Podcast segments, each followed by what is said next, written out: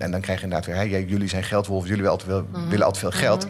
Wij willen veel geld, omdat hoe meer er aan de voorkant wordt betaald... hoe harder de grens zal worden om dat eh, terug te Daaruit verdienen...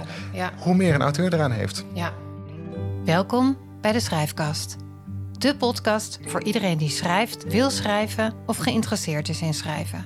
In de Schrijfkast ga ik, Milo van Beek, auteur en schrijfcoach, in gesprek met inspirerende mensen uit het schrijfvak. En in deze aflevering praat ik met Willem Bisseling. Hij is literair agent en mede-eigenaar van agentschap Cebes en Bisseling in Amsterdam. Ze zijn het grootste agentschap van Noord-Europa, vertegenwoordigen ongeveer 250 Nederlandse auteurs en ze zijn agent voor internationale uitgeverijen. Ik wens je veel luisterplezier. Nou, wij zitten. Hi Willem. Hi. wij zitten hier op jouw kantoor in Ja. Amsterdam. Jij bent literair agent. Ja, Eh, is het CBS en Wisseling of CBS en Wisseling? Cebes en Bisseling. CBS Ja. en Wisseling. Je bent ook mijn agent tegenwoordig. Zeker, ja. Hartstikke leuk. Heel blij mee. Ehm, eh, en ik weet niet of iedereen weet wat een agentschap is. Mhm. Het is in Nederland, nou, we hadden het er net al even over. Heb je Ja. een paar. Jullie zijn de grootste, denk ik. Wij, ja, wij zijn, wij zijn de, de, de grootste. We zijn zelfs een van de grotere van Noord-Europa tegenwoordig. Eh, eh, want we zijn best wel gegroeid de afgelopen eh, jaren. Maar wat een agentschap eigenlijk is, ja, wij vergelijken het altijd een beetje met makelaars. Maar dat, daar doen we onszelf niet, niet heel veel krediet mee.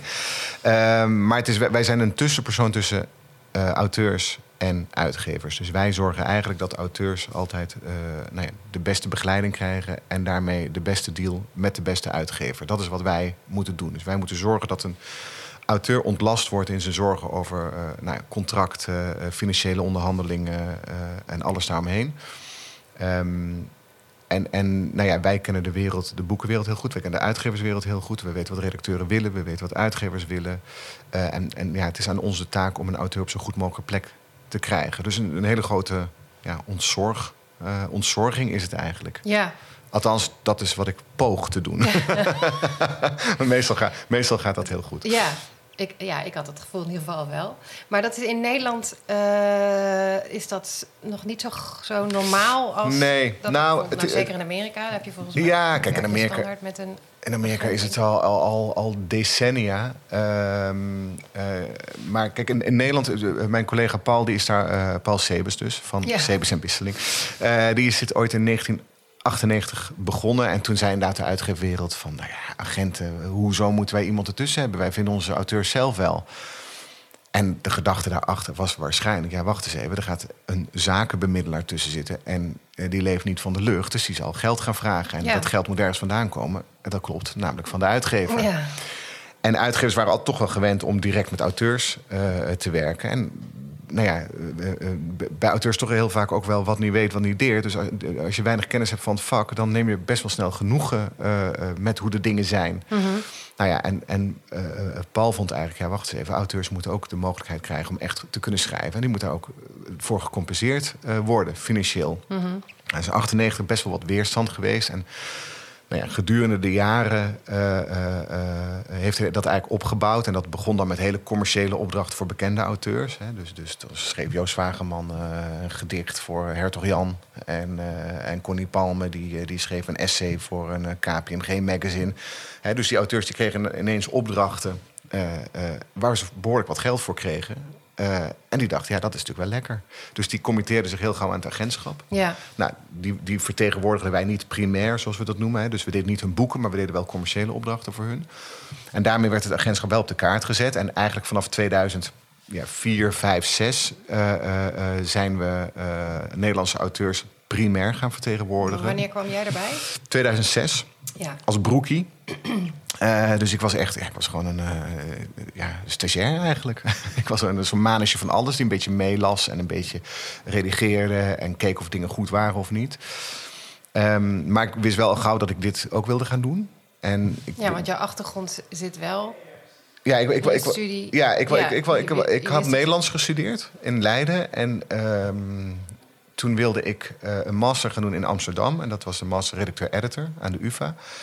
Eh, waar je dus als redacteur wordt opgeleid. Ehm, maar ik dacht toen wel, oké, als ik naar Amsterdam ga, nou, nou word ik een hele volwassen, volwassen knul. Want ik was al 24 of 25. dacht ik, ja, dan wil ik ook een baantje gaan zoeken wat past bij mijn studie, bij wat ik later wil. En ik had al in mijn, in mijn eerste jaar in, eh, Leiden werkte ik uh, als. Uh, uh, ja, de, degene die de borrels organiseerde bij Prometheus. En ik dacht, ja, dat vind ik wel een mooi wereldje. Want ik, ik was natuurlijk, ik, ja, ik studeerde Nederlands en wij, wij lazen natuurlijk veel Nederlandse auteurs. En dan kwam ik op, op zo'n borrel bij Prometheus. En dan liep daar Joost Wageman en Nafid Bouwassa en uh, nou ja, nog meer schrijvers die nu niet meer leven. Uh, maar die, die waren daar gewoon altijd. En ik dacht, ja, ja dit, vind ik, dit vind ik toch wel een, leuk, een, een leuke wereld om me in te vertoeven. Dus toen ben ik uh, via via bij Paul terechtgekomen in 2006. En dat eigenlijk in die jaren zijn we ook al meteen gaan, gaan werken aan, aan nou ja, wat, wat wil ik in de toekomst. Ja. En Paul was toen alleen uh, met mij als assistent. Uh, want ik werd assistent op een gegeven moment. En toen zijn we dat een beetje gaan verder ontwikkelen. En eigenlijk, ja, toen heeft ook die, die Nederlandse auteurs hebben ook echt wel een vaart genomen. Wij deden toen alleen nog maar Nederlandse auteurs. Intussen is ons bedrijf veel breder georiënteerd. Mm -hmm. Ik weet niet hoe interessant dat is voor deze, voor deze podcast. Maar uh, wij deden toen alleen maar Nederlandse auteurs. En nu ook, uh, zijn we ook subagent voor veel buitenlandse uit, auteurs, uitgevers en, ja. en agenten. Um, ja, en dat zijn we gaan uitbouwen. En nu zitten we geloof ik inmiddels op ja, zo'n 250 auteurs... die we vertegenwoordigen met ons Nederlandse agentschap. Nederlandse auteurs, ja. ja. ja. dus, en nu zijn de uitgevers er ook wel aan gewend. En dan zijn er nog steeds sommige uitgevers die liever geen agenten tussen hebben. Maar er zijn ook heel veel die zeggen: oh, Ik ben zo blij dat jullie ertussen zitten. Want nee, je moet zo zien, voor uitgevers is natuurlijk ook handig. Uh, wij hebben het vandaag al eerder even. We hadden al een soort voorgesprek. Ja. Uh, al eerder over gehad dat soms auteurs lastig kunnen zijn. Althans, uitgevers ze lastig kunnen vinden. Ja. dat is een beetje de waarheid zal in het midden liggen mm -hmm. daarin. Um, uh, en dan zijn ze eigenlijk uitgevers ook best wel vaak blij dat wij er weer tussen zitten als een soort buffer. Ja. Dus ook wij kennen hun vak, wij kunnen vaak ook wel de uitgever in zekere zin verdedigen, keuzes mm -hmm. van uitgevers. Mm -hmm. Aan de andere kant, uh, wij zijn er niet om uitgevers te verdedigen. Wij zijn, wij zijn een verlengstuk van de auteur. Hè? Wij behartigen de belangen van de auteur. Dus ik zal alles doen in het voordeel van de auteur. Mhm.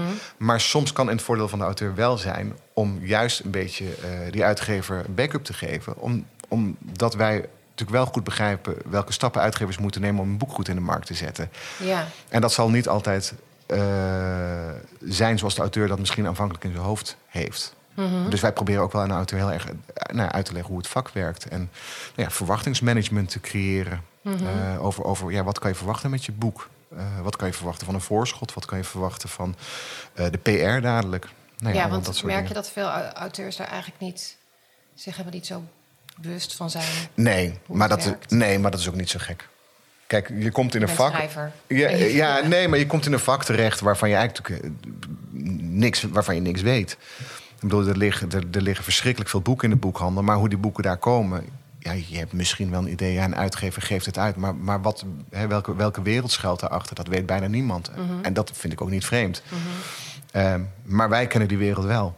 Ja. En, en daarom proberen wij ook de auteurs zo goed mogelijk te informeren wat die wereld inhoudt. En ze ook daarin te begeleiden. Want je kunt er daar wel heel veel in, uh, uh, in doen. En je kunt ja. ook heel veel doen voor je boek. Alleen je moet wel weten welke, uh, welke dingen er spelen in de wereld. Ja, en dat uitgevers uh, soms ook niet blij met jullie zijn. Ja. Is dat vooral financiële redenen? Of ook dat, dat ze zelf de controle willen houden, bijvoorbeeld? Of de...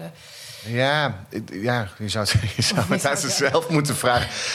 Mijn, ik denk, nou, er, er zijn verschillende redenen. Er zijn gewoon hele uh, conservatieve, ouderwetse uh, uitgevers die zeggen: ja, agenten zitten er alleen maar in voor het geld. En het zijn haaien en het zijn hyena's en andere roof- en aasdieren. waarmee we vergeleken worden wereldwijd. Er is wel een soort ja, een soort stigma op agenten. Uh, wat er al heel lang is, ook in Amerika, ook in Engeland. Hè, dat, wij, dat we alles maar doen om zoveel mogelijk geld los te kloppen. En dan zeggen uitgevers ook nog dat wij dat geld ook nog weghalen bij auteurs. En, en dus je moet het zonder agent doen, want dat is, hè, dat is Mhm. beter voor jezelf. Zeggen ze dan tegen auteurs. Um, Nee, dat komt natuurlijk ook wel vandaan omdat wij, wij houden een commissie in. Wij leven Ja. niet van de lucht. Nee. Uh, nog steeds niet. Nee. Uh, als, zodra, zodra ik van de lucht kan leven, zal ik erover nadenken om geen commissie, Oh, meer, in te, geen commissie meer in te houden. Um, um, dus wij houden een, een commissie in. Ja, en die hou je in over de royalties. Uh, over, de, ja, over het voorschot en de royalties en van de royalties, van de ja. auteur. Oh, dat is Siri. Siri vindt er ook wat van. Um. Nee, dus dat houden we in. Dus, dus ja, en dat houden we in van de auteur. Dus daar, daar- en daar zijn we ook heel transparant in. Je ziet dat, hè, je krijgt bij ons altijd een afrekening waar duidelijk is dat wat onze, onze commissie is. Ehm, eh, dus ja, we houden geld in van auteurs. Eh, eh, tegelijkertijd ja, proberen wij natuurlijk zo'n goed mogelijke deal voor elkaar te krijgen... die een auteur ten eerste zelf nooit voor elkaar zou krijgen. De, waardoor wij die commissie eigenlijk alweer terug hebben verdiend. Ja. Kijk, en dan komt het tweede punt. Waarom, waarom zijn sommige uitgevers hebben er moeite mee? Ja, om, omdat wij inderdaad altijd gaan zitten onderhandelen met ze. We willen Ja. altijd natuurlijk meer. ja. Of altijd, niet altijd. Soms doen ze een heel goed voorstel en dan zijn we akkoord. Maar in principe willen we altijd meer. Want dat is nou eenmaal wat we moeten doen voor de auteur. Dat is nou eenmaal ons werk. Ja. En daar kunnen uitgevers soms heel eh, moe van worden. Mhm. En dat is dan nog het financiële aspect. En daarna heb je natuurlijk ook nog... het- Ja, we bemoeien ons overal mee. ja. Hè, komt er een omslag wat jij als auteur takken lelijk vindt? eh, eh, ben jij een auteur op jezelf? Dan, dan zul je er misschien wat van zeggen. Maar dan zegt de, de uitgever: nee, maar dit is echt zoals het altijd gaat. En eh dat moet gewoon zo naar de boekhandel, want de boekhandel wil dit. En dan denk je als auteur misschien: ja, nou laten we het dan maar doen. Jullie zullen het wel weten. Maar als wij ertussen zitten, wij accepteren dat natuurlijk niet. Want Nee. wij zeggen: ja, dat omslag is gewoon takken lelijk en de auteur is doodongelukkig. Dus of je moet wel een heel goede uitleg hebben waarom de auteur het zou moeten accepteren, of je mag gewoon terug naar de tekentafel. ja.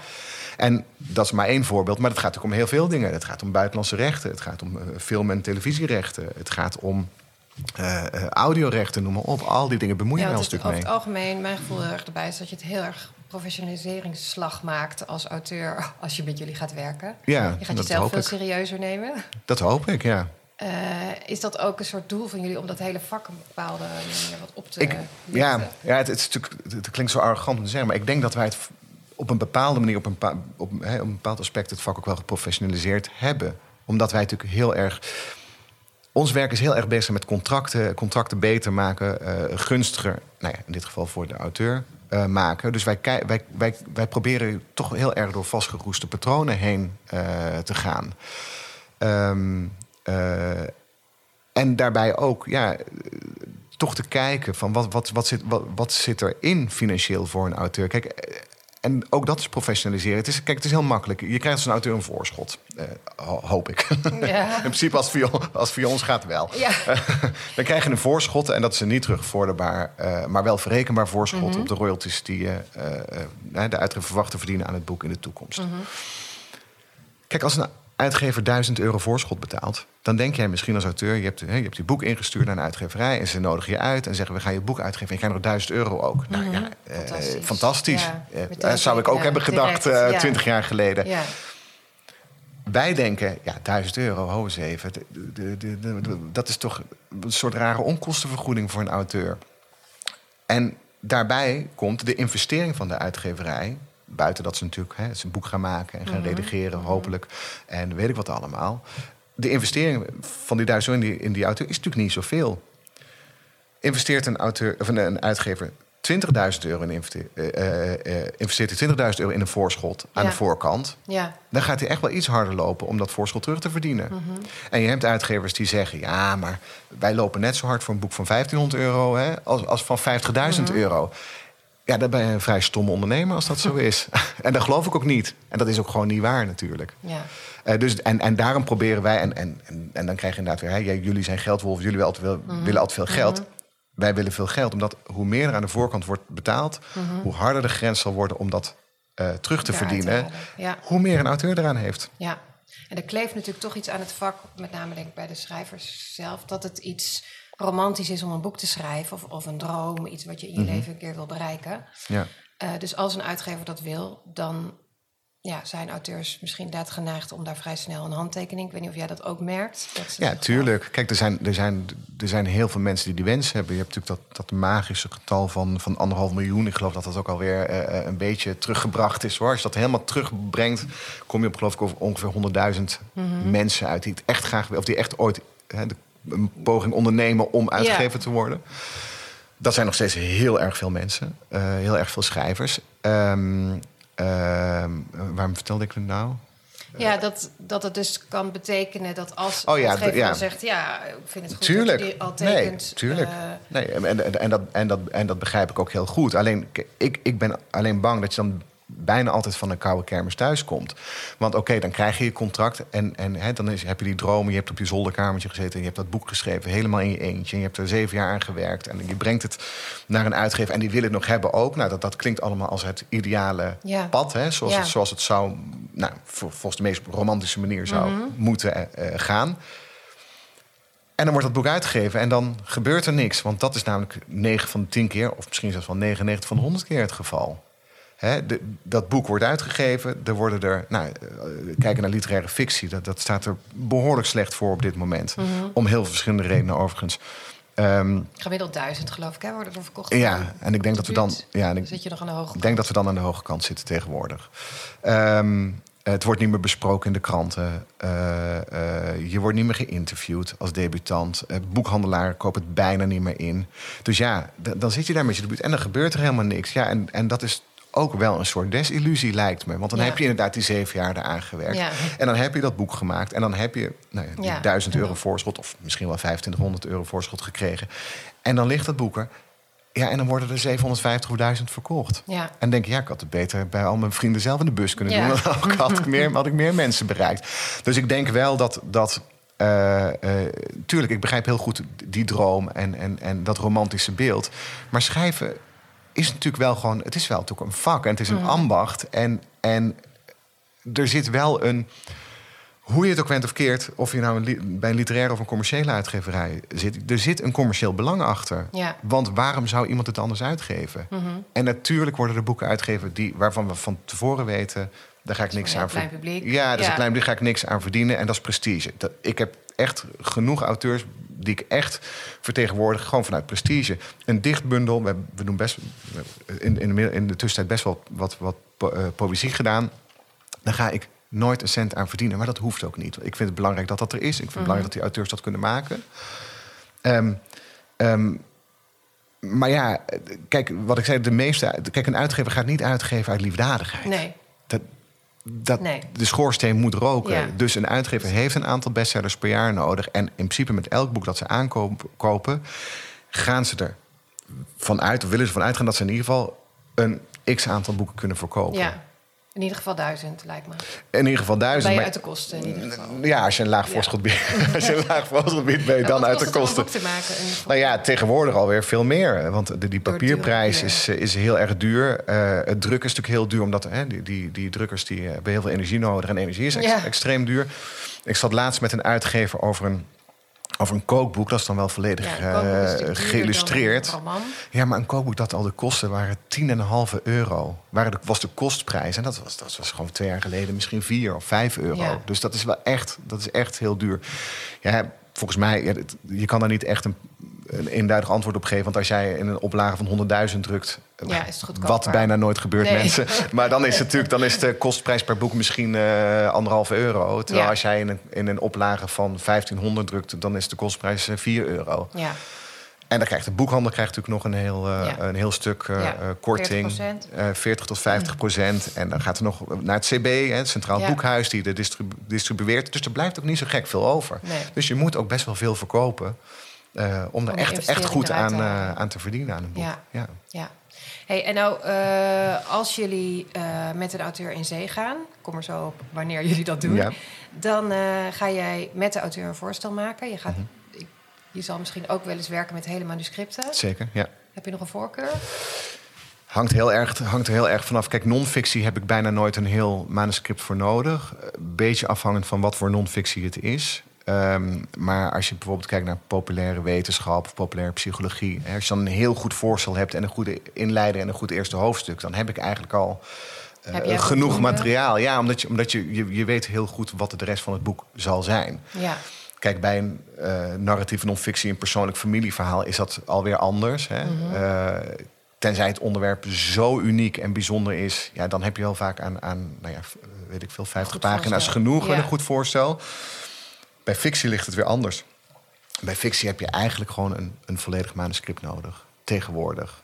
Eh, waarmee je aan het werk gaat. En dat, dat is ook wel wat ik natuurlijk ook wel doe. Ik ga eh, met zo'n auteur van fictie ook wel echt eerst door die hele eh, roman heen.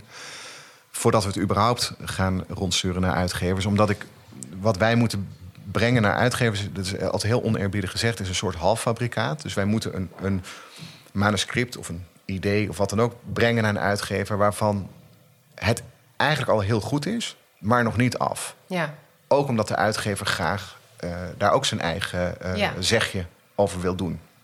Meestal. ja, Ehm, dus ik probeer wel met een auteur zo'n goed mogelijk eerste, tweede, derde versie te maken. En als we die hebben, dan, hè, dan, dan nog weet ik, oké, dit is niet dit is niet een kafje eromheen en, En eh, klaar. en klaar. Er moet nog wel wat aan gebeuren, maar dan kan ik ook al aan de uitgever zeggen, we hebben er al aan gewerkt, maar er moet nog één slag gemaakt Ja. worden. Of twee. ja. En dat vindt de uitgever prettig. Ja. Maar dan heb je wel een heel goed beeld van wat het kan gaan worden. Precies. Ik heb net bijvoorbeeld met een, met een eh, eh, wel heel leuke een, een, een jonge man, ik, ik weet eigenlijk niet hoe oud hij is, maar ergens in de dertig, van wie ik ooit de eerste 50 pagina's las en die ik echt, echt heel goed vond al. En ik zag ook wel dat daar nog wat te gebeuren was, maar, ik, maar heb ik vooral gezegd schrijf door, schrijf door, schrijf door, totdat we echt een eerste versie hebben. En dan ben ik wel met hem eerst door die eerste versie nog heen gegaan. Ehm, en toen zag ik gewoon heel erg dat eh, dat, dat eerste deel zat eigenlijk heel, was heel sterk. Heel, dat, dat, daar had ik lang aan gewerkt. En tweede deel, dat, dat rammelde nog wat. En toen hebben we toch besloten om dat wel naar uitgevers uit te sturen. Maar dan zeg ik dus ook, hè, we hebben hier al naar gekeken. Dit is, zie het als een eerste versie, waarvan het eerste deel heel eh, goed is, maar het tweede deel echt nog wat aan moet gebeuren. Ook om aan die uitgevers aan te geven. Ik, weet je, ik heb echt goed naar die tekst gekeken, maar ik stuur met een reden het op, deze, hè, Ja. op dit moment uit.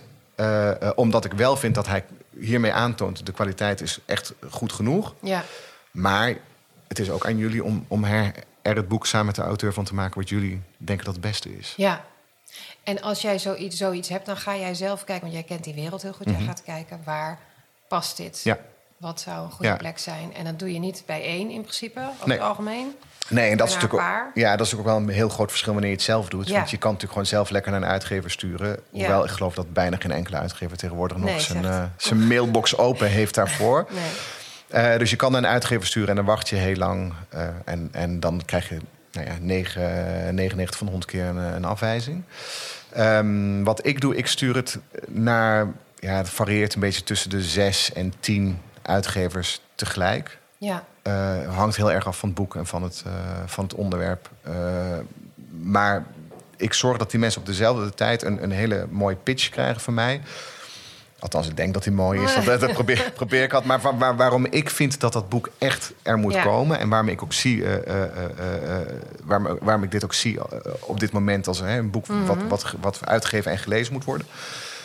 En daarbij inderdaad een voorstel hè, van wa- waar gaat het over? Synopsis, in het geval van fictie wat over de, de, de personages. Nou ja, gewoon een soort, soort boekverslagje Ja. erbij. Dat ze een beetje een indruk krijgen. Wij noemen dat een proposal, maar waardoor ze een beetje een indruk krijgen wa- waar ze mee te maken hebben. Ehm, en die uitgevers gaan het dan lezen. En zij weten van elkaar natuurlijk dat, ja, dat, het, Dat er dat er meerdere- meerdere mensen zijn die het Ja. op dat moment lezen. ja, En dat weten ze ook, dat, dat het natuurlijk door een selectieprocedure heen is gegaan, namelijk die van ons. ja, En wij hebben inmiddels, nou ja, we doen dit eh, werk al best lang. Eh, ehm, nou, wat ik net zei, ik zit hier sinds 2006. En we hebben in die zin een behoorlijke staat van dienst met, met eh, eh, grote literaire namen, eh, eh, hele grote bestsellers.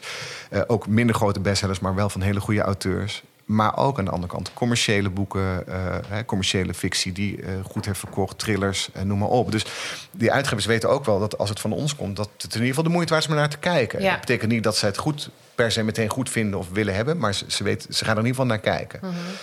Nou, en als ik het uitstuur, dan meestal heb je binnen, ja, ook weer afhankelijk van het genre, maar meestal binnen een week, eh, Dat is echt heel twee weken een reactie van die uitgever van nee, ik doe het niet.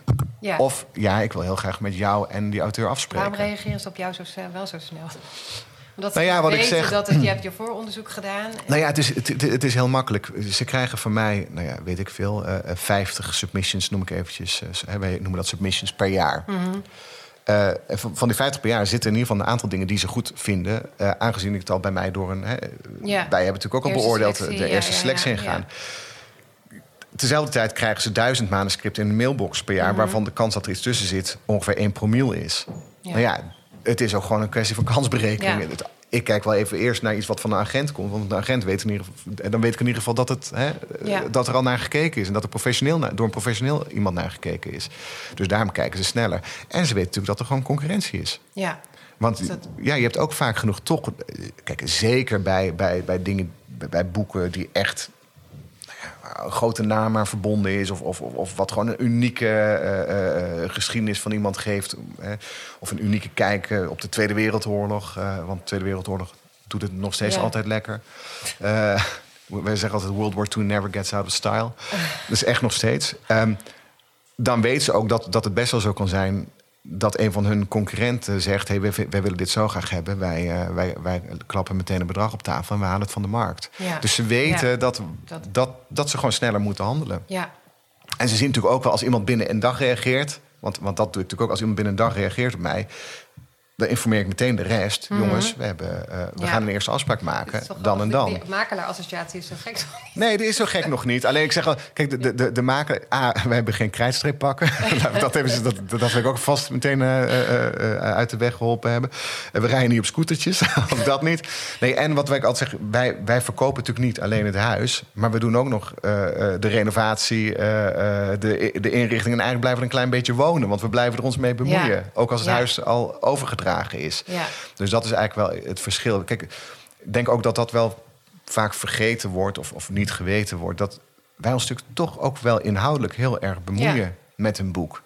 Het is niet, oh, we hebben een goed boek binnen, we verkopen en je hoort nooit meer Mhm. wat van ons. Nee, wij, wij blijven betrokken bij het project Ja, en bij de auteur. Ja. En dat is, dat, is, dat is ook gewoon projectoverstijgend. ja, Het is niet, oh, we doen een boekje met een auteur. Nee, we, we, we gaan een samenwerking aan met een auteur. ja. Ja, dat is wel heel bijzonder. En ik vraag me af in hoe vaak dat ook... Daarvoor ken ik te weinig uit, maar hoe vaak uitgeverijen dat ook doen met auteurs. Ja, Maar- nou ja, het, het- ik neem aan dat uit, nou ik neem aan dat doen uitgeverijen wel. Alleen ehm, het, het, het is gewoon makkelijker om te doen met een auteur die heel veel boeken verkoopt. eh, Ja. eh, eh, dan voor iemand die, die heel weinig verkoopt en eigenlijk alleen maar geld kost. Mhm. Kijk, en, en, en dat is ook allemaal niet zo gek, want de investeringen van uitgevers zijn ook veel groter. Kijk, ik investeer tijd. En Mhm. als het me niet lukt, wat ook af en toe gebeurt, eh, ja, dan, dan heb ik eh, daar heel veel kostbare uren in zitten, maar dat is het. Ja. Maar ik heb er niet 25 mil in zitten. Nee, En dat is natuurlijk bij uitgevers eh, wel zo. wel zo, ja. Dus het is ook niet zo gek. Hey, en jij moet er dus eigenlijk heel erg in geloven, als ik het zo hoor, Ja. Eh, in een project. Ja. Wanneer, wanneer geloof jij erin? Wat, wat is het? Ik geloof erin als ik denk dat er een markt is voor zo'n boek. En ik zeg nu heel erg zo'n boek, omdat het zo verschillend is Ja. per boek. Kijk, ik vertegenwoordig echt van haakboeken, jawel. Eh, eh, succesvolle haakboeken bovendien, van Karen Bloemen. Eh, eh, tot hele literaire fictie van Wietske Versteeg. En alles daartussenin. Ja, Eh, eh, dus ja, als ik iets lees, dan moet ik gewoon denken: is het goed in zijn genre? Mhm. Ik denk dat dat ook dat, dat heel belangrijk is. Ik moet mijn eigen smaak ook uitzetten. ja, Want wat ik er zelf van vind, gewoon puur op mijn eigen merites, dat doet er eigenlijk niet zo, heel, niet zo gek veel toe. Mhm. Ik moet gewoon vooral denken: nee, wat, wat vindt de markt en is hier ruimte voor? Mhm. Nu is dat bij literaire fictie weer ietsje anders, denk ik, dan bij commerciële non-fictie. Want bij literaire fictie moet je ook toch wel een soort gevoel hebben met een, met een boek. ja. Dus Ik- als, als jij heel weinig kan met die stijl bijvoorbeeld, met, Ja, dan... ja dan, en dan nog kan ik wel zeggen, ja, ik, ik, ik, zie wel, ik, ik, ik, zie, ik zie wel dat dit kan werken. Maar literaire fictie is toch ook iets heel, is ook gewoon iets heel persoonlijks. Ja. En ik merk ook wel, als je met een literaire fictie-auteur werkt, dat ook, het is best wel een intieme band. Omdat Mhm. natuurlijk elke auteur van literaire fictie zit, zit natuurlijk, is doorvrocht door die tekst. Hoe Ja. ver die tekst ook van zo iemand af kan staan op het eerste gezicht. Ja. De- de- die auteur zit er altijd diep in. Dus Ja. het, is, het is een, intiem, eh, een intieme samenwerking. Mhm. Dus bij, bij, dat is ook heel belangrijk dat ik het goed met een auteur kan vinden. Dat Ja. weet ik nog niet natuurlijk als ik een tekst lees, maar Nee. dat, dat weet ik wel als ik een auteur heb ontmoet. Nu ben ik heel makkelijk benaderbaar en toegankelijk en vind, kan ik het gauw met mensen vinden, dus dat scheelt. Eh, maar het is wel belangrijk. Ik heb, ik heb wel eens met mensen een, een, een die goed kon, eh, waarvan ik vond dat ze goed konden schrijven, eh, gezegd: ja, maar wij moeten gewoon niet samenwerken omdat, omdat wij elkaar gewoon niet liggen. Dat kan. En dan laat ik dat ook gaan. Want dan kun jij niet, zeg maar, de, de, jij hebt die relatie nodig Ja. Om... eh, Ja, er zit heel veel, er zit ook heel veel gunnen in. Je wil natuurlijk ook ja, een gunfactor. Je, je, je wil ook echt iets voor iemand eh, kunnen betekenen. En wat ik zeg, het is dus niet alleen maar, oh, we verkopen het boek. Het is, het is, je gaat een soort, ja, Paul zegt het wel eens, eh, je gaat een soort huwelijk aan. ja. Ehm, en, nu ben ik niet met 250 Nee, auteurs getrouwd. Sterker nog, ik moet nog met mijn eigen vrouw gaan trouwen. Ehm, maar het, is, maar het, is, het is wel iets intiems. Omdat het natuurlijk iets heel persoonlijks is wat iemand maakt. Ja. En, en of dat trouwens, of dat nou non-fictie is of fictie. Het is natuurlijk, elk verhaal is persoonlijk. ja. Ehm, eh, Maar inderdaad, een kookboek, wij spreken van een haakboek, is anders dan... ja, nee, dat, dat, dat, nou dat is ook zo. een Of, of narratieve non-fictie. Nee, maar dat, dat is ook anders. Maar dan nog, kijk, eh, ook het proces van een boek maken... het, het, het, het, eh, vergt veel tijd. Ja. Eh, eh, het, het levert relatief Weinig op. op. Voor zowel auteur als agent als uitgever. Het, is echt wel een niche-product. Het kan gelukkig wel heel veel opleveren, dat, Mhm. wat voor iedereen fijn is. Maar, maar dat is natuurlijk het- het uitgangspunt is in principe dat je er niet zoveel aan verdient. Ja. Eh, dus dan moet het wel de samenwerking op zijn minst heel leuk zijn. Althans, Ja. vind ik heel prettig zijn. Want dan zit het echt een beetje met tegen. Ik, ik, ik wil geen boeken maken met tegenzin. Nee. En ik wil ook niet met mensen werken waarvan ik vanaf het begin denk: oh, gadver, ik heb daar, daar een afspraak mee. Dat wil ik Ja. gewoon niet. Nee. Dus ja, misschien is dat ook onze businessmodel hoor. En, en kunnen we dat eh, gelukkig ons veroorloven. Ja. Ehm, maar, maar de vraag was: hè, Ja, waar wanneer, je- ja, waar, waar kijk je naar? Ja, nou ja. eh, ehm, dus naar je De ook echt een persoonlijke klik, maar dat, is, dat is eigenlijk voor later. Maar ook gewoon van naar, naar de markt. Hè. Ik vind bijvoorbeeld nu op dit moment thrillers. Nou ja, er, is al lang geleden volgens mij dat er echt een, een nieuwe thriller-auteur is opgestaan. Hè, die, die, die zich kan meten aan de, de, de, de Saskia Noord, Simone Mhm. van der Vlucht, Esther Verhoefs. Hè. Dat is toch de, de, de drie grand dames van de, van de, van de crime scene. Grappige Ja. woordspeling. Eh, per ongeluk. Ehm, eh, en er is, er is gewoon best wel weinig ruimte voor nieuwe eh, thriller-auteurs. Ja, dus, dus dan, als wij een thriller binnenkrijgen, kijk echt in eerste instantie... ja, maar wacht eens, wat is hier nou nog vernieuwend aan... en waarom zou dit wel in die best wel verzadigde markt een plekje moeten krijgen? Hetzelfde geldt voor kookboeken. Dus daar ben ik al bijvoorbeeld al veel voorzichtig in op dit moment. Ja. Dat, eh, dat, dat zijn nog golfbewegingen. Ja. Eh, hetzelfde wat ik aan het begin zei, eh, literaire fictie. Ja. Literaire fictie heeft het gewoon lood en lood en lood zwaar. Omdat mensen lezen het gewoon niet meer. Eh, ongelooflijk veel concurrentie van Engelse boeken. Eén op de drie la- las ik laatst van de boeken die verkocht worden in Nederland... zijn Engelstalige boeken. Ja, daar hebben wij natuurlijk gewoon ook last van als, als Nederlandse auteur. Hè? Wij als, als vak. Nederlandse Ja. auteurs hebben daar natuurlijk last van. Ja. Ehm, eh, dus bij literaire fictie moet het echt, ja, het, het, het, in mijn geval, het moet iets uitzonderlijks, dan wel stilistisch echt uitzonderlijk zijn. Of, of het moet ja, gewoon een eh, uitzonderlijke manier geschreven, een, de thematiek op een bepaalde thematiek op een nieuwe eh, manier geduid. Ja, zo kijk ik er wel naar. En, Ja. en ik heb ook echt wel gehad dat ik iets gewoon echt wel lekker geschreven vond. En gewoon dacht, ja, ja, het is gewoon lekker, het is een goed verhaal, maar ik ben gewoon bang dat ik het nu niet kan verkopen. Ja. En dan begin je er dus niet aan. Dan begin ik, of ik begin er niet aan, of ik zeg tegen een auteur: Ja, ik vind het heel goed en ik zie echt wel de potentie van zo'n boek, maar weet dat de markt daar op dit moment. eh, dat er weinig plek is voor zo'n boeken. Dus dat als we het gaan doen, dat ik het gewoon niet kan garanderen. Ik ben daar gewoon dan heel Ja. eerlijk in. En dan nog bijt ik me er wel in vast en wil ik echt wel dat het lukt. Maar ja, je kan ook ijzer niet eh, breken met eh, handen, Ja. Helaas. En ik hoor je wel min of meer zeggen dat het bij non-fictie anders is. Nou, bij non-fictie is het. ehm, kijk, non-fictie is gewoon makkelijker in die zin dat er, er is een makkelijker publiek voor. Eh, er is een duidelijker publiek voor. Eh, het is veel makkelijker in PR. Ja. Ehm, Iets wat waar gebeurd is. ja, ik, ik, ik zeg wel, eens- maak wel eens de opmerking. Iemand vroeg mij een keertje van, eh, van eh, wordt wel vaker door kranten ook wel gevraagd, van waar- eh, waarom lezen we steeds minder fictie en, en steeds meer non-fictie? Ja. Zeg ik, nou eigenlijk lezen we eh, allemaal hetzelfde, want we willen dat de fictie eh, eh, eh, waar gebeurd is en we willen dat non-fictie is geschreven als een roman. Dus uiteindelijk lezen we één grote, grote brei. Ja. Ehm, eh, maar, maar je ziet gewoon dat wanneer het gebaseerd, hè, fictie gebaseerd is op een, op een op een waar autofictie gebeurt, of ja. waar gebeurt, heb je veel meer PR-haken. Want dan pas wil een krant jou interviewen en dan pas wil een, een magazine zegt dan hé, dat is interessant. Kijk maar naar eh, eh, bijvoorbeeld Lisa Loep. hè, die schreef Bang, wat in principe een roman is. Het is Mhm. autofictie. Maar zo, hè, zo geïnspireerd op haar eigen leven. Dat, dat, ze krijgt heel veel interviews en die gaan allemaal over haar eigen leven. We zagen dat zelfs destijds bij eh het aantal jaar geleden al met Murat Isik met Wees Onzichtbaar. Wat gewoon echt een, echt een roman is. Wellicht iets wat geïnspireerd op zijn eigen leven. Maar het is echt een roman. En toch bij elk interview wordt weer gezegd: hoe is het nu met je moeder? Ja, Ja. maar dat is de moeder van de hoofdpersoon. Ja. Dus, dus, dus je We ziet. hebben heel een hang naar iets wat Ja, eh, echt gebeurd echt is. gebeurd ja, is. op dit moment willen we willen heel graag dat het echt gebeurd is. Ja. En daarom doet, denk ik, non-fictie dus ook zo goed. En, en non-fictie is natuurlijk toch wel een, een... heeft iets plaatsgevonden... In de literaire non-fictie tussen aanhalingstekens... heeft iets plaatsgevonden dat... dat eh, we steeds makkelijker zijn in de grenzen van fictie Ja. opzoeken. Dus we mogen meer invullen. Dat is Mhm. eigenlijk natuurlijk toch een beetje begonnen bij Anniette van der Zijl. We mogen het meer als een roman vertellen. Dat was natuurlijk tien jaar geleden of twintig Mhm. Ja. jaar geleden uit den boze. Maar dat mag nu wel. Dankzij Netflix, ja. We mogen iets wat romantiseren. Dus dat, Mhm. en dat wordt ook geaccepteerd. Eh, dus ja, dus, dus we lezen non-fictie. We weten dat het waar gebeurd is. We denken daarmee, denk, tenminste dat is mijn inschatting... dat mensen denken, nou, dan heb ik ook nog wat geleerd. Ja. Hè? Die, die, hè, de- ja, precies. Dat die- dat een reden is. ja, je hebt ook vaak die petite histoire hè, tegen de Mhm. grote, die- hè, zo'n persoonlijk verhaal tegen een grote geschiedenis. Nou, daar hebben, hebben we weer, is, is ons weer wat bij, Ja. bij, bijgeleerd. Ik vind dat zelf trouwens ook altijd. Eh, vind ik zelf ook wel prettig. Ja.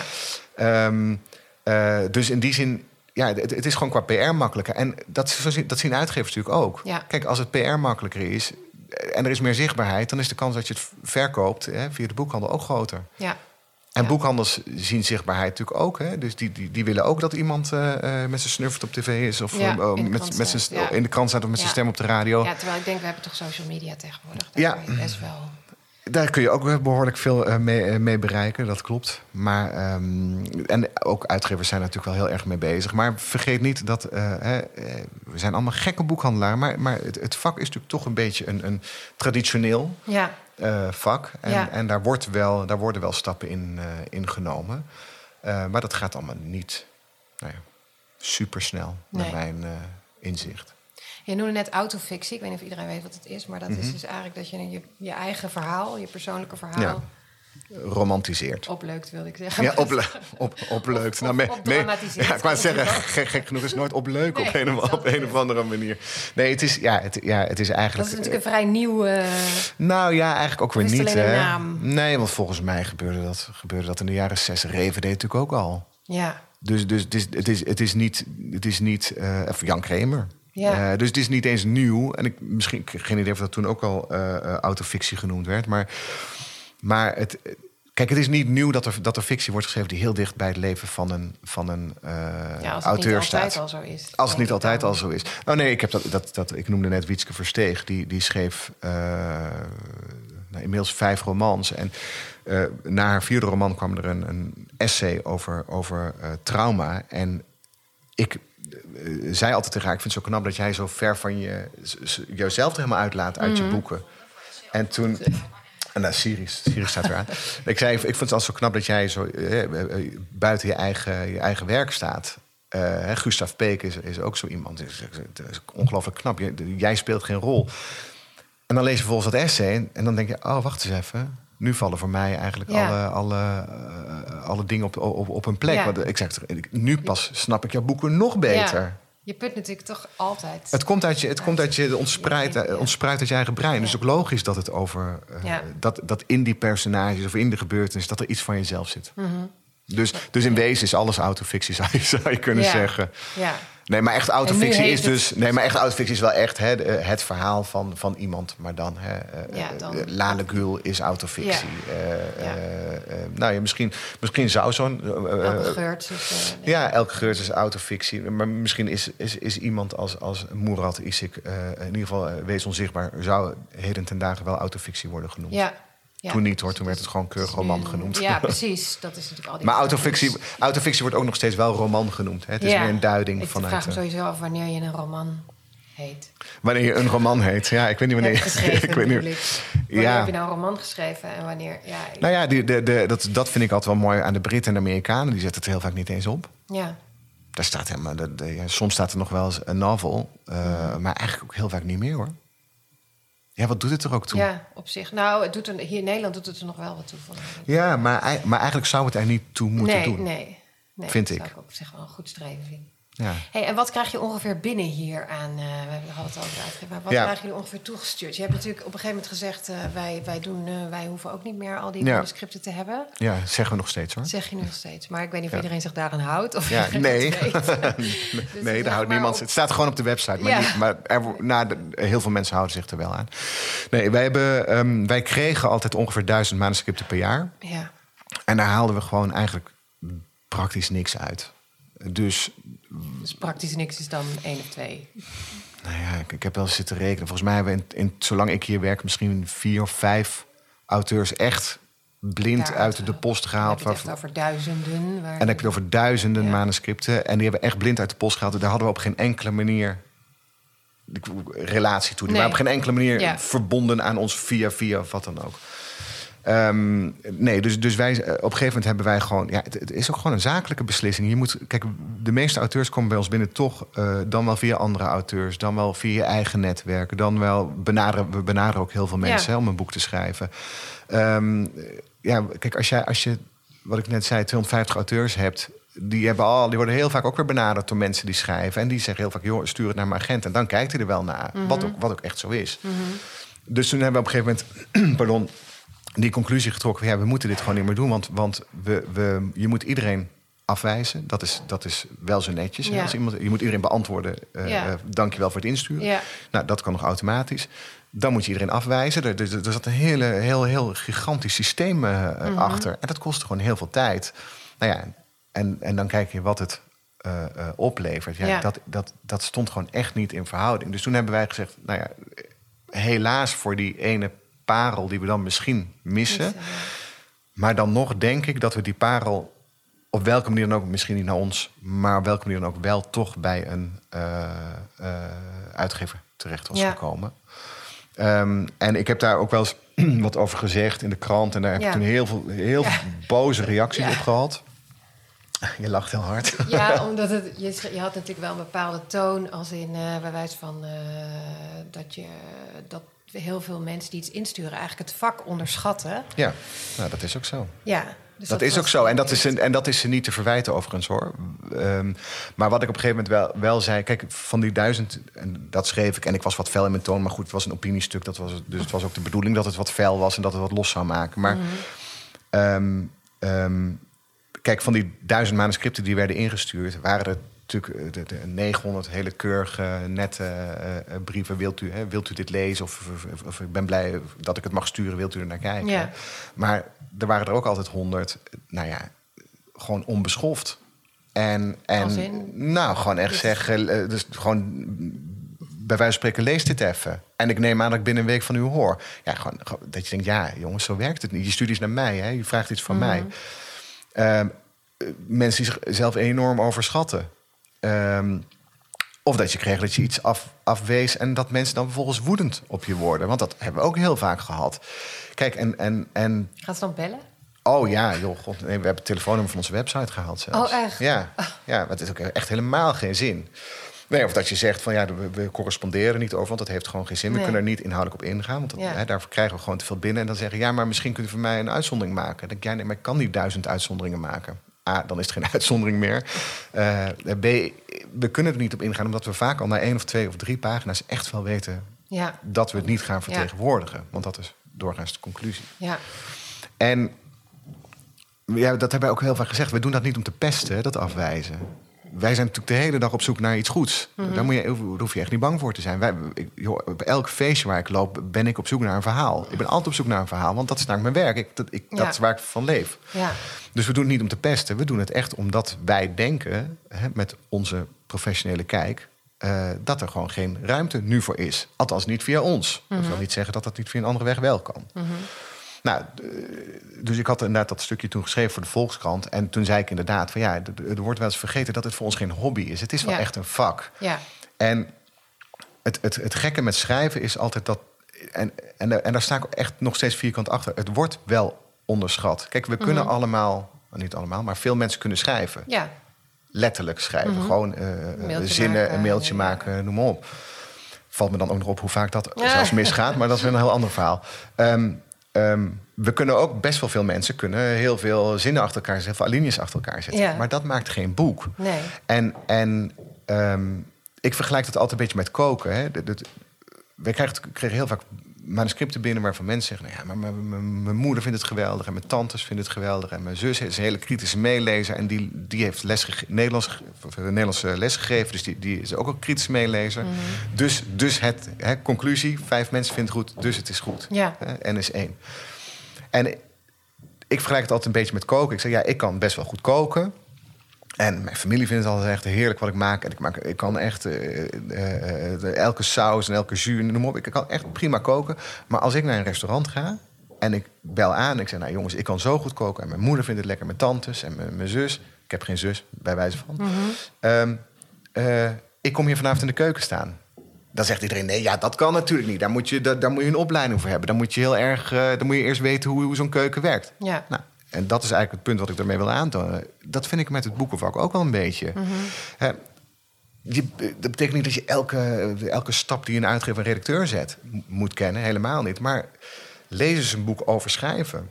Lees een boek over uitgeven. Eh, eh, eh, ga eens naar lezingen van auteurs. Praat eens met, met die auteurs. Ze zijn allemaal heel erg open daarvoor. Van wat, hoe werkt het eigenlijk zo'n boek uitgeven? En bedenk eens, wil je het eigenlijk wel uitgeven? En waarom? Maar al die vragen eerst stellen voordat je het opstuurt... dat gebeurde bijna niet. En dat probeerde ik aan te kaarten. Dat ik zeg, ja, als jij echt heel graag wil uitgeven en echt een enorme innerlijke drive hebt om dat te doen, dan, is het, dan ga je ook wel verdiepen. En dan kom je echt wel terecht bij die eh, eh, eh, plekken waar je terecht moet komen. Dan nog zal voor, niet voor iedereen uitgeven, uitgeven worden weggelegd zijn. En dat is een andere bouwde, maar wel denk ik oprechte conclusie. Je, je moet misschien op een gegeven moment ook concluderen: ik ben misschien gewoon niet goed genoeg. Ja. En er is best wel een Dat wel zelfoverschatting. Na die zeven jaar dat je op die kamer hebt gezeten. Ja, nee, maar, maar dat, ja, Ja. kijk, en er komen altijd komen er natuurlijk de verhalen. Ja, maar die eh, is ook zo vaak afgewezen. Ja. En die ook. Ja. Dan zeg ik, ja, dat is allemaal waar. En je hebt altijd uitzonderingen op de regel. Of Mhm. uitzonderingen die de regel bevestigen. Maar er zijn gewoon... Het is echt een vak. En, en, en je kan er echt heel veel beter in worden. Mhm. Ik denk ook echt door, hè, door goed onderwijs, door goede lessen. Eh, eh, er, zijn echt heel veel goede schrijfcursussen. Mhm. Eh, je kan er echt heel veel beter in worden. Als je gewoon bewust bent van wat je met die tekst aan het doen bent. Maar gewoon niet iedereen kan uiteindelijk een boek schrijven. Nee. En dat is ook niet erg. Nee. Is er iets te zeggen over wat er voor nodig is? Ehm, nou, ja. heel veel. Ik denk echt heel veel trainen, dat dat het allerbelangrijkste is. Ik denk echt door gewoon heel, heel, heel veel te schrijven. Door heel kritisch te zijn. En door heel goed te kijken wat andere mensen doen. Dus heel, goed te le- heel veel te lezen. Toch zijn mensen best wel vaak... ba- Hè, dat, dat is ook een soort algehele eh, conclusie van al die ingezonden manuscripten. Hoeveel mensen niet lezen omdat ze niet... eh, eh, nou ja, ze willen dan niet...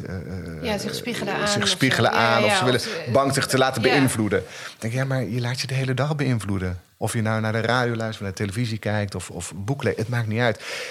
Kijk, het, het boek dat nooit geschreven is, ga je toch, bestaat niet meer. Elk, elk boek gaat over, elke fictietitel gaat ongeveer over liefde, dood en schuld. Dus ja, eh, eh, knap als jij dat hè, voor elkaar krijgt om dat helemaal niet te doen. Maar echt iets unieks in die zin bestaat helemaal niet. Alle verhalen zijn in zekere zin in thematiek Ja. verteld. Het is alleen welke vorm je eraan geeft. Ja. En daarmee kun je natuurlijk wel iets unieks maken. Ja. Laten we dat voorop stellen. Maar ja, ik denk gewoon, je moet heel goed kijken... wat, wat, wat, wat doen andere mensen? En waarom vind ik een boek eigenlijk goed? Mhm. Dan moet je maar eens... Ik, ik heb dat zelf mezelf ook heel erg eh, eh, eh, vaak afgevraagd bij film. En toen ben ik heel veel film gaan kijken. En toen ben ik op een gegeven moment gewoon ook gaan verdiepen. Ik ben, wil overigens geen film maken hoor. Maar heel erg gaan verdiepen in hoe, wer- werkt werkt film dat? nou eigenlijk? Ja. En wat kost zo'n scène maken nou eigenlijk? Ja. En, en, en dan kom je er ineens achter. Oh, wacht even, nu snap ik ineens waarom ik, waarom ik sommige films zo slecht vind. Want die dialogen zijn onrealistisch. Om die en die redenen. Ja. Of eh, eh, eh, die scènes zijn niet goed gemaakt. Nou, en dat is met boeken precies hetzelfde. Als jij heel veel leest, kun je heel goed duiden waarom je iets goed vindt. Maar, vooral, maar veel belangrijker, kun je ook heel goed duiden waarom je iets niet goed vindt. Mhm. En dat kun je gewoon toepassen op eigen werk als je schrijft. Maar kijk, voor mij gold het namelijk ook als je dat door heel veel te lezen en door in, in, dat, in de journalistiek actief te zijn en ook op een gegeven moment wel in de schrijverswereld, kreeg ik juist het gevoel van... ik kan niet aan die standaard voldoen die daar heerst. Ik schrijf bijvoorbeeld niet heel metaforisch, ik noem maar een voorbeeld. Dus het kan ook zijn dat het je juist wel op slot... Nou ja, Ik nee, wel eens de men, nee, niet dat ik dat over mezelf wil zeggen... maar de mensen die wel kunnen schrijven... misschien ook wat gezegend zijn met een wat twijfel... meer een karakter wat... Dat, oh ja, kijk, Wat? kijk, laten we vooropstellen, er worden heel veel dingen uitgegeven die, die niet goed geschreven zijn. En die wel succes zijn. Eh, eh, dus ja, dat, ja, dat, dat, en er dat zijn is- misschien toch ook toch heel veel mensen... die heel veel uit zichzelf twijfelen... Ja. en juist misschien te veel opkijken naar... Ja, nou, dat zou ik ook. Dat eh, het eerste wat ik zou loslaten. Kijk, je moet je eigenlijk niet spiegelen aan anderen. Maar je moet, je moet leren van anderen. je laten inspireren. Ja, ja. en als jij, kijk, wat jij zegt over metafoor. Kijk, als jij zegt, eh, nou, die en die auteur kan geweldige metaforen schrijven, maar dat is mijn stijl niet. Maar je kan er in ieder geval wel van leren dat als je een keer een metafoor erin stopt, dat je denkt, ja, met die Ja. auteur in je gedachten, ja, die doet er misschien 50 in, eh, eh, in een paar hoofdstukken. Marieke Lucas Rijneveld is natuurlijk zo'n koning van de metaforen. ja. Ehm, eh, maar ja, dat is ook niet voor iedere schrijver weggelegd. Maar misschien zit jouw kracht veel meer eh, eh, dan weer bij, bij, de, bij de dialoog. Of zit je eh, kracht juist veel meer in de, in de beschrijvingen, hè, natuurbeschrijvingen, om maar wat te noemen. Ja. Maar dat is natuurlijk, waar zit je eigen forte en, en waar ben je tevreden over? En dat is volgens mij, ja, ik, ik, ik denk dat de meeste schrijver, nog niet gepubliceerde schrijvers, nou, niet, misschien niet de meeste, maar heel veel, nog te weinig zelfkritisch zijn. Dat denk ik echt. Ja. En je wordt zelfkritisch door, ja, eigenlijk toch ook wel gewoon. eh, eh, eh, ook veel met anderen erover te praten. En ook met andere schrijvers. Dan Ja. wel beginnend schrijvers, dan wel. Ja. ik, mag, ik mocht ook amateurschrijvers niet meer zeggen. Had, ik, op- had ik op Facebook begrepen. Daar was, was iemand ook heel boos over. Ehm, eh, het dus is de- natuurlijk geen beroep, in de of tenminste, je hoeft niet afgestudeerd te zijn. hoor. Dat is Nee. natuurlijk... Nee, dat klopt. Dat klopt. En dat is eigenlijk best wel gek in Nederland. Want als je kijkt naar Amerika, elke grote schrijver heeft daar een, een, een, een eh, Opleiding eh, opleiding in gedaan. Je hebt daar een enorme eh, goede opleidingen literair schrijven. En die zijn echt, en ook daar zie je ook, elke romantiek wordt daar ook weggepoetst hoor. Daar wordt gewoon, een vriendje van mij heeft het in, de, aan de NYU gedaan in New York. Nou, die, die zei, dit was echt, het was gewoon loeihard. Het was gewoon kei en keihard werken. Dan zeggen ze ook, geen inspiratie? Bestaat niet. Bestaat niet. Ga maar zitten, ga maar tikken. Ge- gewoon, het is werk, het is handwerk. En, en, en ja, ga maar oefenen, ga maar, ga maar meer schrijven. Ga, maar- schrap dat maar. Laat maar zien dat je het beter kan. Ja, zo gaat het in, in Amerika. Ja, en daar komt, wat mij betreft, eh, eh, tamelijk briljante literatuur vandaan. Dus, Ja. dus eh, het, het, levert wel wat op. Scandinavië ook. Hè. Is ook heel veel eh, schrijfonderwijs. Ja, daar komen gewoon goede dingen vandaan. ja, Dus het, heeft daar Dus ook daar wel mee- ambacht. ik denk dat we, dat we veel meer aandacht moeten hebben voor het ambacht van schrijven. En, en, en volgens mij zijn wij in Nederland best wel arrogant. Nou, niet volgens mij. We zijn in Nederland sowieso best wel arrogant op heel veel vlakken. En ook op het vlak van, van eh, eh, eh, kunst en cultuur en ook op literatuur. Wij vinden eigenlijk hier dat het een talent is. En ik denk ook echt wel dat je een talent moet hebben. Eh, zeker als het echt aankomt op literaire fictie. Daar moet je een talent voor hebben, denk ik. Maar je kan het echt wel leren. En dat, en, Op en, zich goed nieuws. Nee, dat is hartstikke goed nieuws. Nee, du- dus, en, maar ik, Ja. ik, kijk, wij hebben zelf, dat doen we niet meer, dus ik kan het nu ook gewoon makkelijk zeggen, maar we hebben heel veel schrijfcursussen gegeven in het verleden. En daar haalden wij toch echt veel auteurs uit. En die waren niet aanvankelijk eh, eh, topauteurs. Maar gewoon door juist heel kritisch naar hun eigen tekst te laten kijken en heel kritisch eh, opdrachten te geven, zagen zij, hè, en dan heb je natuurlijk eh, mensen die daar, en dat is dan het talent, denk ik, die dat heel goed zien en denken: hé, Ja. hey, wacht eens even, nu valt het kwartje. Als ik dit Ja. en dit en dit doe, dan, dan, Ja. dan, dan, wordt, dan wordt het mooier, of dan wordt het poëtischer, of dan, nou, wat je er ook mee wil met een tekst. En die konden dat toepassen op een hele tekst. En die werden gewoon echt beter. En dat, ja, dus wij, wij haalden, nou zeg ik niet dat we per se dat wij briljant onderwijs gaven, eh, of misschien ook wel, maar het is meer van, wij- wij, maakten in ieder geval aan mensen duidelijk waar de grote valkuilen zitten bij schrijven. Ja, Eh, ze zagen dat ook van hun collega's, hè, want er Ja, van precies. 7, 8. Ze zagen Ja. natuurlijk daar ook. Ja. Eh, ehm, en nou ja, één op de drie geloof ik uiteindelijk, eh, hebben we ooit uitgerekend, of één op de vier is uiteindelijk wel gepubliceerd.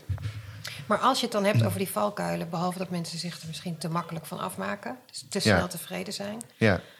wat zijn dan nog valkuilen die je veel ziet als je wat jij binnenkrijgt of toen bijvoorbeeld eerste versies is het dan gewoon te, te makkelijk of te cliché? Of, of... Nou, nou, het- nou, de, de allergrootste valk bij wat ik zag is dat mensen het gewoon veel te snel hebben ingestuurd. En gewoon Ja. niet rustig nog door een tekst heen zijn gegaan. maar zijn het dan fouten? Of Ja, gewoon, de, gewoon eh, eh, nou, dat al. Hè. Ik bedoel, gewoon de spelfout in de eerste zin. Ja, dat vind ik gewoon vind ik niet zo slim. Vind, Als jij iets een cursus zou opstuurt... het nog kunnen, maar... Ja, de cursus kan, kan het, maar als jij het opstuurt naar, naar, naar een agentschap of een uitgeverij, vind ik dat gewoon niet, vind ik dat gewoon niet slim. Ja. Ehm, dus ik zou er altijd even goed naar, naar, naar kijken. Ehm, ja, wat zijn fouten? Ja, het is wel een goede vraag hoor. Het, het is natuurlijk, het- er zijn zoveel dingen die een rol spelen natuurlijk wanneer je iets leest. Soms kun je echt na, na één zin al helemaal betoverd zijn. Ja, dat klinkt heel stom, maar dat is echt zo. Ik kan echt soms naar één zin denken van nou, nu, dit, ik wil doorlezen. En dat is dan of spanning of gewoon Ja, heel mooi dat is een zin die, en heel, die Ja. en heel mooi opgebouwd is, die en heel veel spanning oproept, die, eh, eh, ja, die, die- ja, die, die stijl, sfeer, spanning, die het eigenlijk alle, alles heeft. En dat kan een zin zijn van zeven, van zeven woorden, bij wijze van spreken. Heel Ja. stom. Nou, dan moet bij de rest ook nog maar blijken of dat, eh, of dat goed genoeg is. Maar ja, het, dat, het is heel lastig aan te duiden van wat zijn nou, wat zijn nou valkuilen. Ik denk dat de, dat de grootste valkuilen als mensen iets insturen bij een uitgeverij of, of een agentschap. eh, eh, zijn eh, te overhaast en niet, Ja. niet goed genoeg doordacht. En ik denk dat er veel meer in zit in de achter, het, het, het verhaal achter het verhaal, achter Ja. het manuscript, Ja. dan in het manuscript zelf. Oké, dus je moet eigenlijk nog een keer heel goed nadenken of praten met mensen over waar gaat het nou echt over. Ja, nou, het is een soort, het is een soort sollicitatie natuurlijk. En, en, en, en waarom vind jij jouw manuscript goed? Of nog niet goed? Want dat, dat, dat zie je ook bijna nooit hè, in een brief. Van, van ja, eh, eh, ik twijfel nog aan dit hoofdstuk... omdat ik daar de hoofdpersoon dit en dit laat doen. Oh, zou je dat wel toejuichen als mensen Tuurlijk. Oh ja, Of je moet bedenken, ja, als je daar nog over twijfelt... misschien moet je er eerst maar nog heel goed naar kijken. Nee, maar ik zou dat wel... Want dat geeft wel aan dat iemand zelf kritisch is. Ja. En dat is natuurlijk toch heel belangrijk. Ik vind het echt wel belangrijk dat mensen kritisch zijn naar een tekst. Hoe vaak je die teksten krijgt waar mensen zeggen... ja, maar dit is gewoon wat het is en dit is briljant. Mhm. Dan denk ik, ja, ah, dat, bepaal, dat bepalen wij wel. nou, heel flauw gezegd. Maar mensen vinden het... zijn het veel mannen die dat doen. Eh, Dat zijn wel, met name, het zijn wel, wel vaker mannen dan vrouwen, ja. ja. ja. Nee, ja, dus, dus, dus eh, eh, eh, ik denk dat de valkuilen veel meer daarin zitten. Maar kijk, wat ik al zeg, kijk, als jij heel kritisch bent naar je eigen werk... en, en, en best wel veel van die nou ja, verdiepingsvinkjes Ja, hebt, hebt, Ja. slagen maar hebt even afgevinkt... Dan, dan lever je al een ander manuscript in. En dan zeg ik niet, oh, dan wordt alles wat uitgegeven. Alleen die, zeg maar, de, de, die groep van die honderdduizend waar we net over die, die dunt dan behoorlijk dikt in, moet ik zeggen. Ik zeggen dunt uit, maar dikt eigenlijk heel erg in. Ja. En van de zomer heb je weer een keer eh, het opengezet. Ja. Mocht, waarom, wat vond je? Nou, het, ik vond het wel een grappige actie. Nee, het, het, was, het was zomer en, en de zomer is, is, doorgaans toch wel wat rustiger vanwege schoolvakanties en zo. En dan zijn ook veel, veel uitgevers ook wel eh, eh, weg. En Ja. dan, dan, hè, dan hebben wij ook iets meer ademruimte. En eh, nou, ik vond het eigenlijk wel een grappig eh, initiatief. Omdat we, nou ja, we kregen natuurlijk heel veel, heel veel commentaar. eh, dat, wij, dat we dicht hadden gegooid. Toen dacht nou ja, goed. we, we hebben, ik heb nooit gezegd dat ik het voor de rest van mijn leven dicht, eh dichtgooi. En toen hebben we gewoon gezegd, ehm, heel erg ingepland... je mag een maand insturen en geef ons een maand... en dan krijgt iedereen een reactie. En dat hebben we gedaan. En daar hebben we, dat is wel leuk, want daar hebben we wel... toch wel twee of drie dingen uitgehaald. Van de? Ja, wel 250 of zo. Maar goed, dat is, dat is relatief veel meer dan, Ja. dan wat we ooit deden. Ja. Dus ehm, ja, nou, d- dus, ja het- ik, nee, ik, ik, ik, ik, ik voorzie eigenlijk dat we dat nog wel vaker gaan doen. Ja. Maar kijk, dan is het ook, dan, dan is het ook niet een, een ding wat zo'n vast onderdeel van je routine is. Nee, dan ga je gewoon met z'n allen eh, ervoor zitten. Ja. En dan zit je gewoon, eh, ja, het, eh, flauw gezegd, maar 250 manuscripten met vier man is dat een, is dat een paar uur werk. Ja. Ja, jullie zijn natuurlijk heel getraind op Ja, dat. en we lezen. Ja, en dat, en dat, dat, en dat. Ik zal die. Nou goed, ik geloof niet dat iemand die droom nog heeft. Maar er is geen agent of uitgever die het hele manuscript uitleest Mhm. als hij het niet goed vindt. Om het dan pas af te wijzen. Ja. Je Dus kunt toch best wel vaak op 1, 2, 3 pagina's zeggen: het is, het is niet goed of dit, eh, dit smaakt naar meer. Ja. Ja. En dat laatste hebben wij natuurlijk altijd ja, zelf ook het liefst. Ja. Hey, en waar moeten we nou heen? Ik stond op middelbare scholen en daar, Ja. eh, nou, VWO was ietsjes meer vingers dan de HAVO. Ja, Ehm, maar ze lezen eigenlijk niet. Als je denkt, waar moeten we heen met het boekenvak? Ja. Engelstalig lezen ze allemaal, die tieners. Ja, ehm, waar moeten we op letten? Nou, ik, ik vind... ehm, eh, daar heb ik ook wel eens voor gepleit. Heb ik ook heel veel, heel veel, heel veel gedoe over gehad. Wij moeten af van dat hele snobistische... wat is literatuur? Ja, Daar, daar moeten we echt vanaf. We moeten die kinderen, eh, om ze maar even zo te noemen, jongeren echt aan het lezen krijgen. En, en aan het lezen krijgen betekent gewoon, het maakt echt ja, heel. uit wat het is. maakt niet uit. Zorgen dat ze Ook lezen. Zorgen dat ze. Ja, ook Engelstalig, ja, maar, ook, ja. maar ook Nederlandstalig, omdat, ze, omdat ik vind dat ze dan hun eigen taal moeten Mhm. beheersen. En, en, en nou ja, eh, we behoorlijk ons best hebben eh, gedaan om ons de eigen taal te laten verloederen de afgelopen twaalf jaar. Mhm. Te wijten aan bepaalde regering, denk ik. Maar ehm, ehm, nee, laat ze gewoon lezen. Ik was ooit op een school en dan ging ik lesgeven eh, eh, over mijn vak. Toen zei ik al tegen die docent... ja, joh, eh, die, die kinderen zitten helemaal niet in mij te wachten... Nee. maar die gaan vertellen hoe, hoe, hoe een boek wordt gemaakt. En grappig genoeg vonden ze het wel heel leuk. En toen vroeg ik, nou, wie leest er? Nou, dan gaan natuurlijk die, inderdaad die twee handjes omhoog. Ja. Ik zei, ja, maar jongens, eventjes lezen bedoel ik echt Maakt niet Maakt uit. niet uit, als er maar een Ja. is. Dus Ja. mag van mij Ook de mag van mij de, ja, mag van, nou, mag van mij de Donald Duck zijn, mag van mij de, eh, eh, mag van mij de Game of Thrones, mag van Ja. Harry Potter. Nou, toen ineens heel veel handen omhoog. Ik, nou, er zijn dus allemaal gewoon aan het lezen. Ja. En vinden jullie, ja, wat vinden jullie van? Ja, nee, Harry Potter, wat was toen nog eh, zo'n ding. Ja, vonden ze helemaal geweldig. Ik zei maar, maar, maar als je dat zo geweldig vindt, waarom, ga je waarom hou je er dan mee op? Ja. En toen zei de juffrouw, ja, dit is natuurlijk nu wat ze, wat ze toen laatst, toen ze, toen ze, toen ze 12 waren, 13 waren, het echte lezen komt nog wel. Daar zijn ze nu nog een beetje jong voor. Toen zei ik echt, "Oh, mevrouw, ik snap gewoon niet wat u nu zegt. Ik zei, ja, dan ram je het leesplezier er wel uit, ja. Ja, ja. En ik denk dat we echt er naartoe moeten, dat we die, dat we die kinderen echt nou ja, laten lezen voor een plezier. Dat we laten zien dat lezen echt wel eh, eh, eh, nou ja, veel brengt, dat het werelden opent. En we moeten ze inderdaad niet doodgooien met, met, met alles wat voor de jaren Ja. tachtig is geschreven. Maar gewoon laat ze maar moderne dingen lezen. En ik weet echt wel dat veel scholen dat ook wel doen. En ik weet ook dat er veel docenten zijn die dat doen. Maar toch, als je kijkt naar het lijstje... Hè, wat wordt er het meest gelezen nog op 6 VWO? Dat zijn van de, van de top 10 zijn er negen boeken van voor 1982. Ja. Dat klopt gewoon niet. En, en dat komt ergens vandaan. Dat komt er van. de- Wij, wij zeggen toch tegen ze: Nou, lees jij maar eh, eh, dit en dit boek. Nee, lees maar de aanslag. Ja. Hè, want dat is een lekker dun boekje en dan, eh, dan leer je wat over de Tweede Wereldoorlog. ja. En van een grote schrijver. En van een grote Ja. schrijver. Maar, en ik, maar ik denk dus dat we daar vanaf moeten. En Ja. we moeten ons veel meer bewust zijn. Wat speelt er nu? Wat speelt er nu onder die jongeren? Waar Ja. eh, eh, prikkels? Dat zeggen ze ook, hè? Dat ze graag Ja, dat willen geloof het, ik. dat het gewoon hun eigen belevingswereld Ja, natuurlijk. Ja, weet je, toen ik, toen ik 16 was, moest ik eh eh, Vestdijk het, het terug tot Ina Damman lezen. En toen moest ik een recensie erover schrijven. En mijn recensie was getiteld Nooit meer terug tot Ina Damman. Nou, toen ging ik Nederlands studeren. En toen was ik, eh, geloof ik, eh, 20. En toen heb ik het opnieuw gelezen. Vond ik het prachtig. Ja, maar toen ik 16 was, niet. Nee, nee. En, en dat is volgens mij... eh, ik, ik denk echt dat we, dat we daar een hele grote slag moeten slaan. En ook kunnen slaan. Ja. Eh, maar dat vergt ook wel veel van docenten. En van schrijvers misschien ook. En van schrijvers. Ja, maar weet je, voor mij mogen ze echt wel... eh, voor, mogen, voor mij mogen ze alles lezen. Maar, maar, maar, maar laat ze inderdaad... eh eh Mano Boezemoer... eh eh, eh, nou, ik vind dat persoonlijk is dat niet... eh, nou, nee, laat, ik, laat ik niet zeggen. Nee, maar goed. eh, het is een boek wat heel erg aansluit bij de, bij de huidige generatie. Laat ik het zo zeggen. Eh, eh, hij is heel erg eh, eh, leuk. Hij gaat naar scholen toe.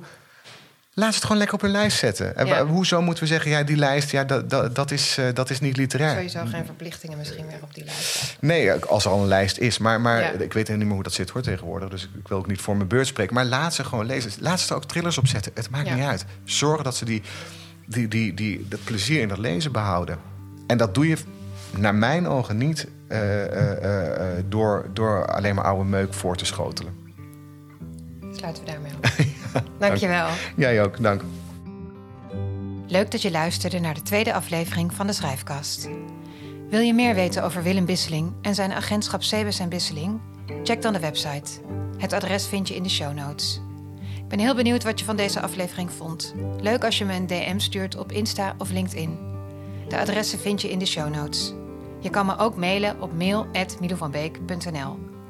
Mocht je dit een leuke podcast vinden, vertel er dan vooral over aan anderen. En als je hem wil raten bij Apple, maak je me ook heel blij. Zo kunnen meer mensen deze podcast vinden. Veel schrijfplezier en tot een volgende aflevering.